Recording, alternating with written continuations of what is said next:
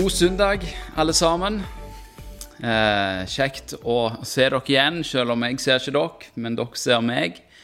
Eh, vi skal fortsette med sånne nettbaserte taler eh, i eh, hvert fall denne søndagen, og i hvert fall en søndag til. Eh, og så får vi se eh, hva vi skal gjøre.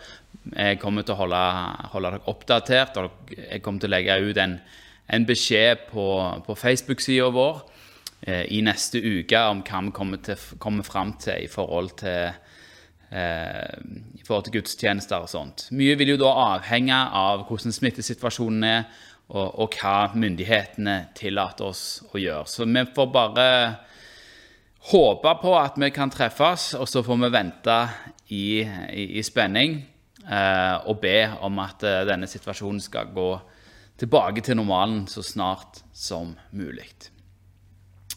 I dag så har jeg lyst til å snakke om et eh, emne som heter oppsøkende. Vi har nettopp feira jul, og i den forbindelse så feirer vi dette at Gud ble menneske i Jesus Kristus. Og I min juletale så forsøkte jeg å vise at til tross for at dette er enkelt og greit for oss, så var det en tanken om at Gud hadde blitt et menneske, en revolusjonerende tanke i antikken. Det snudde opp ned på alt.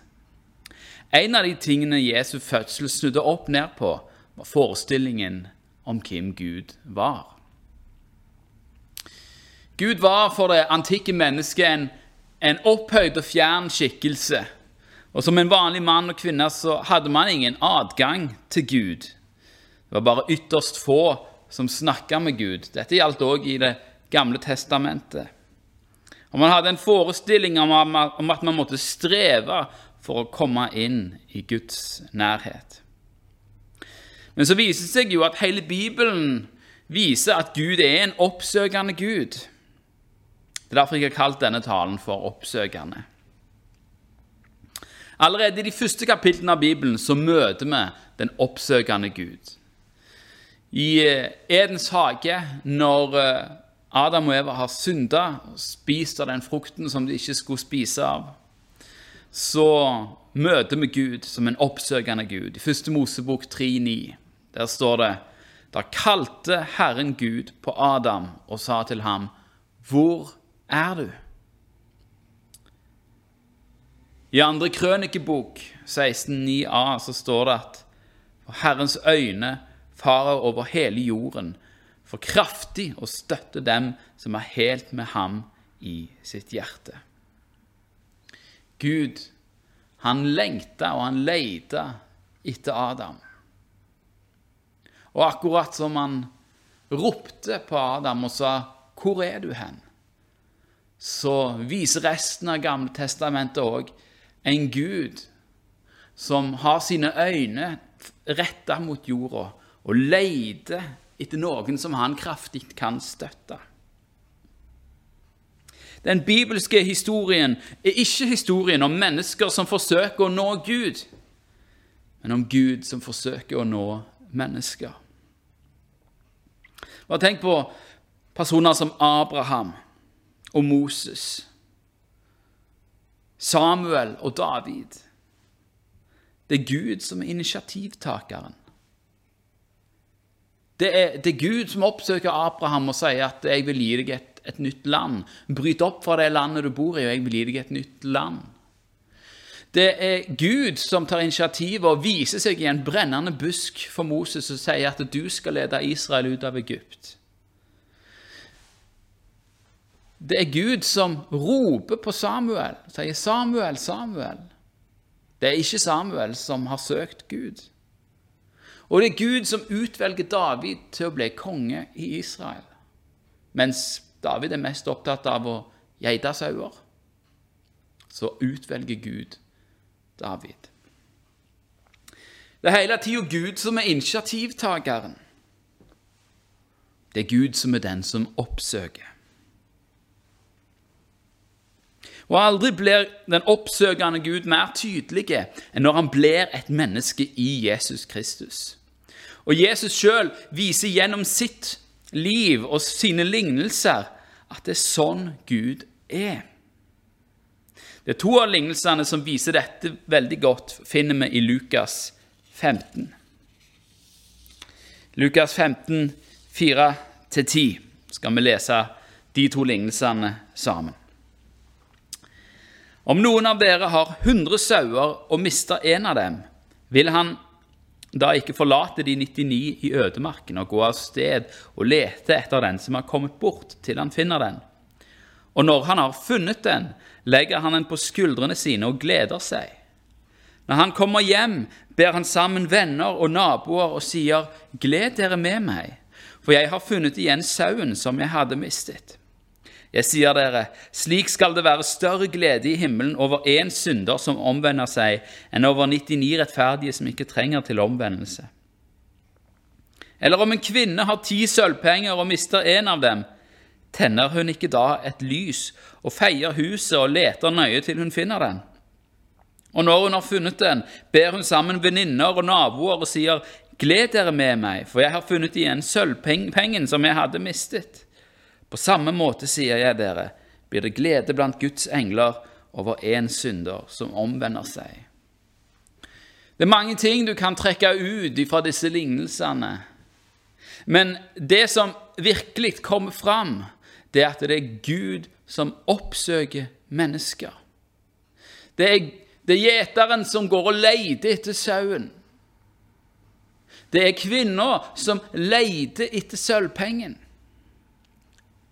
Sauen ikke etter gjeteren. Og en, en sølvpenge kan ikke lete etter noen ting. Det er Gud som er initiativtakeren. Gud oppsøker mennesker. Og Jesus oppsøkte mennesker. Det er Jesus som sier til Sakkeus, 'I dag må jeg komme inn i ditt hus.' Det er Jesus som oppsøker disiplene.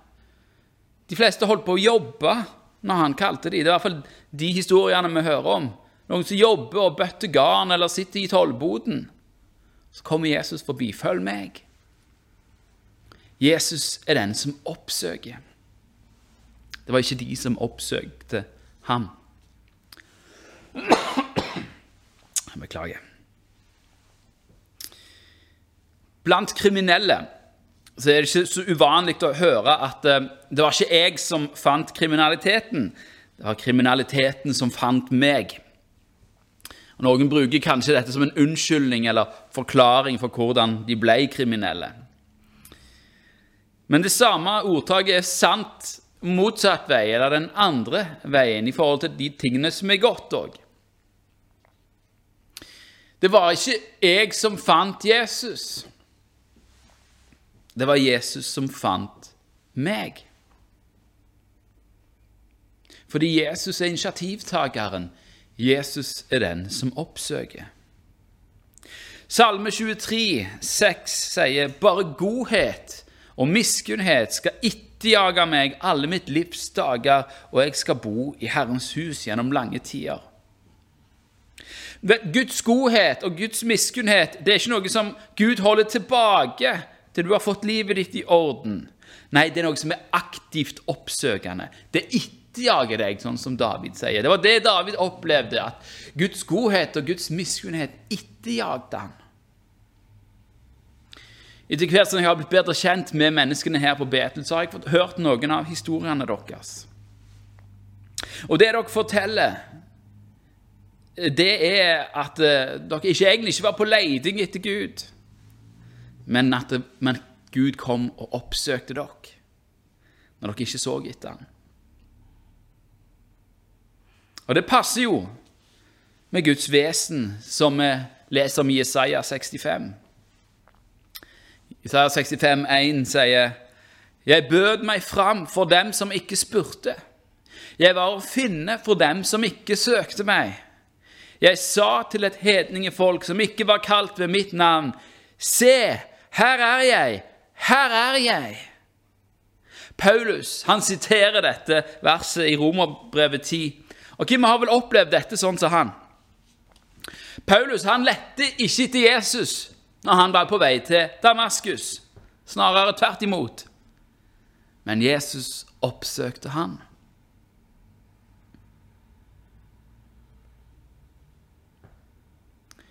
Gud er en oppsøkende Gud som spør etter de som, leter etter de som ikke spør etter han, som ikke leter etter han. Og Det er derfor at uh, vår kjærlighet til Gud det er ikke det opprinnelige, men som Johannes sier i 1. Johannes brev 4,19 Vi elsker Han fordi Han elsker oss først. Han elsker oss først. Når vi nå har etablert at Gud er en oppsøkende Gud, så må vi òg se med hva slags hensikt Gud eller Jesus oppsøker mennesker. I Markus 10,45 så sier Jesus For menneskesønnen er ikke kommet for å la seg tjene, men for selv å tjene og gi sitt liv som løsepenge i mange sted.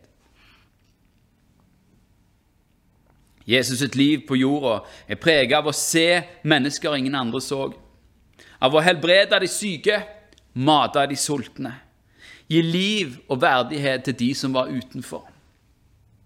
Og de av dere som har møtt Jesus, vet at sånn er han fremdeles.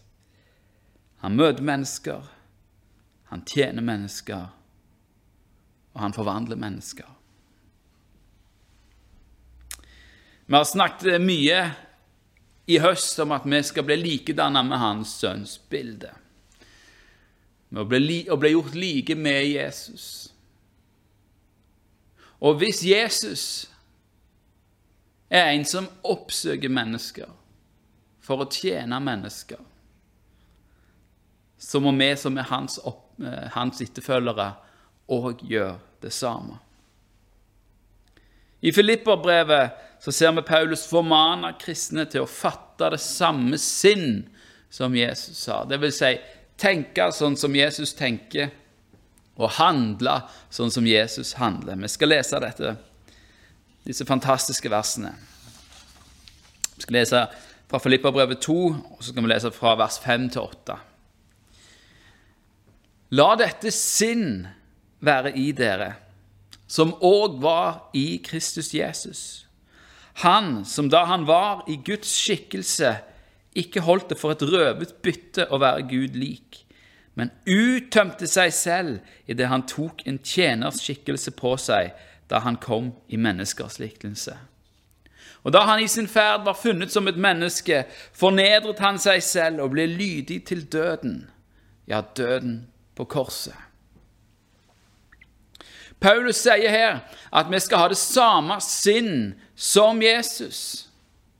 Og vi skal se nærmere på tre eksempler på hva det vil si å ha det samme sinn som Jesus. Når Jesus sitt utgangspunkt var at han var i Guds skikkelse, fullkommen uten mangler.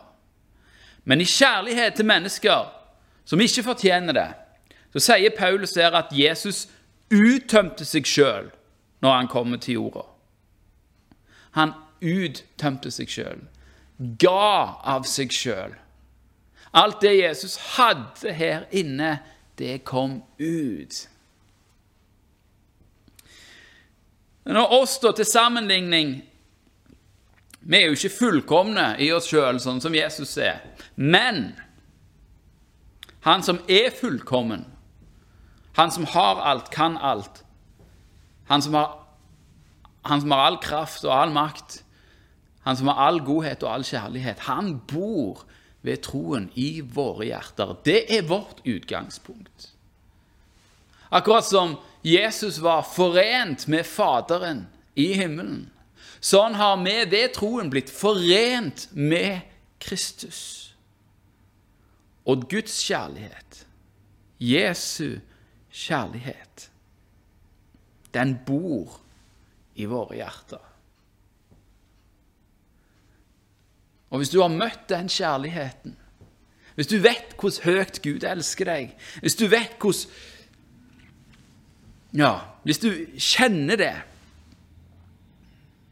Hvis du vet at Jesus elsker deg og har opplevd den kjærligheten,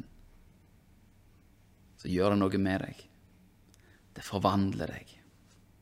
Det forvandler livet ditt. Og hva gjør det med oss? Jo, Det skaper oss en lengsel etter å uttømme oss sjøl for andre. Fordi den kjærligheten som Jesus elsker meg med, den elsker han jo alle andre med òg. Etter å ha hørt eh, mange av deres fortellinger, deres troshistorier, så begynner det ofte med noen andre som hadde møtt Guds kjærlighet. Og så var de så fra seg av begeistring over den kjærligheten at de måtte bare dele den videre. Og sånn kom Guds kjærlighet til dere. Og det er akkurat sånn Guds kjærlighet fungerer. Når vi blir satt i kontakt med Hans kjærlighet, når vi får se det store Han har gjort, så skaper det oss en forventning. Det skaper i oss en lengsel, det skaper i oss en begeistring etter å dele det Han har gjort, med alle. Nå, hvordan skal vi uttømme oss sjøl?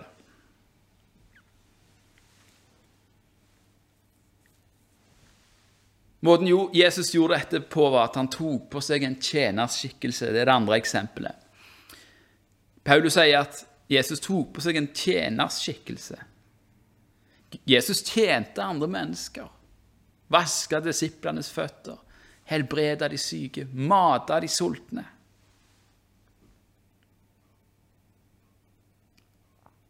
Det var sånne ting som Jesus gjorde. Han fulgte behov. Og hvis Jesus gjorde det, så må vi gjøre det. Når For altså, Guds rike, det er et tjenende kongerike. Og det begynner med kongen sjøl. Kongen vår er en tjenende konge. Og hvis vår konge er en tjenende konge, så må vi som hans folk være tjenere. Det er det vi er kalt til. Det tredje eksempelet det er at Jesus fornedra seg sjøl og ble lydig til døden. Å følge Jesus er å fornekte seg sjøl og si at uh, min status og min ære, det er ikke så viktig. Det er ikke så viktig. Hva er det da som er viktig? Nei, Det viktigste er å være trofast mot det som vi har fått. For disiplene så endte dette med fornedrelse og død. Og, på, og Jesus har sagt at det, er faktisk en del av pakken. Er du en del av dette kongeriket, så kan det ende i fornedrelse og død. Men vi skal ikke frykte det, men stå fast i troen, vel vitende om at Gud har overvunnet døden, og at han lønner de som er trofaste mot ham. Gud er en oppsøkende Gud. Og Gjennom historien så har menigheten tatt Jesus sinnelag til seg Oppsøkt de fattige, de utstøtte og fremmede i denne verden for å gi dem mat og klær, helbredelse og omsorg, og framfor alt evangeliet om Jesus Kristus. Akkurat som Gud oppsøker mennesker, så har menigheten oppsøkt mennesker. Hvorfor det? Jo, fordi alle mennesker er elsket av Gud. Og så har menigheten, som har møtt Guds kjærlighet, tatt denne kjærligheten med seg. Så har de gitt det videre. Så har de tatt det og så gitt det videre. Min bønn for dette året er at vi skal få et nytt møte med Jesus kjærlighet. Jeg håper at dere har møtt han i fjor òg, men at det, det stadig skal strømme inn levende vann i oss fra det høye. At du får møte Guds kjærlighet på en konkret måte. Så ber jeg, at den, vil jeg at den bønnen skal være sånn at Eller jeg ber om at den kjærligheten skal fylle så mye at vi tar opp denne stafettpinnen som har gått fra tilbake 2000 år. At vi oppsøker de rundt oss med kjærlighet, med Guds kjærlighet, og gir dem det de trenger. Om det er mat, klær, omsorg, helbredelse eller evangeliet. Og helst alt i sammen. Vi er Guds folk. Vi er hans hender her nede på jorda. Vi har fått et oppdrag om å oppsøke menneskene rundt oss for å gi dem det de trenger. Både i det fysiske, i det psykiske, men fremfor alt i det åndelige. For det alle mennesker trenger til syvende og sist, det er å møte, det er å møte Gud.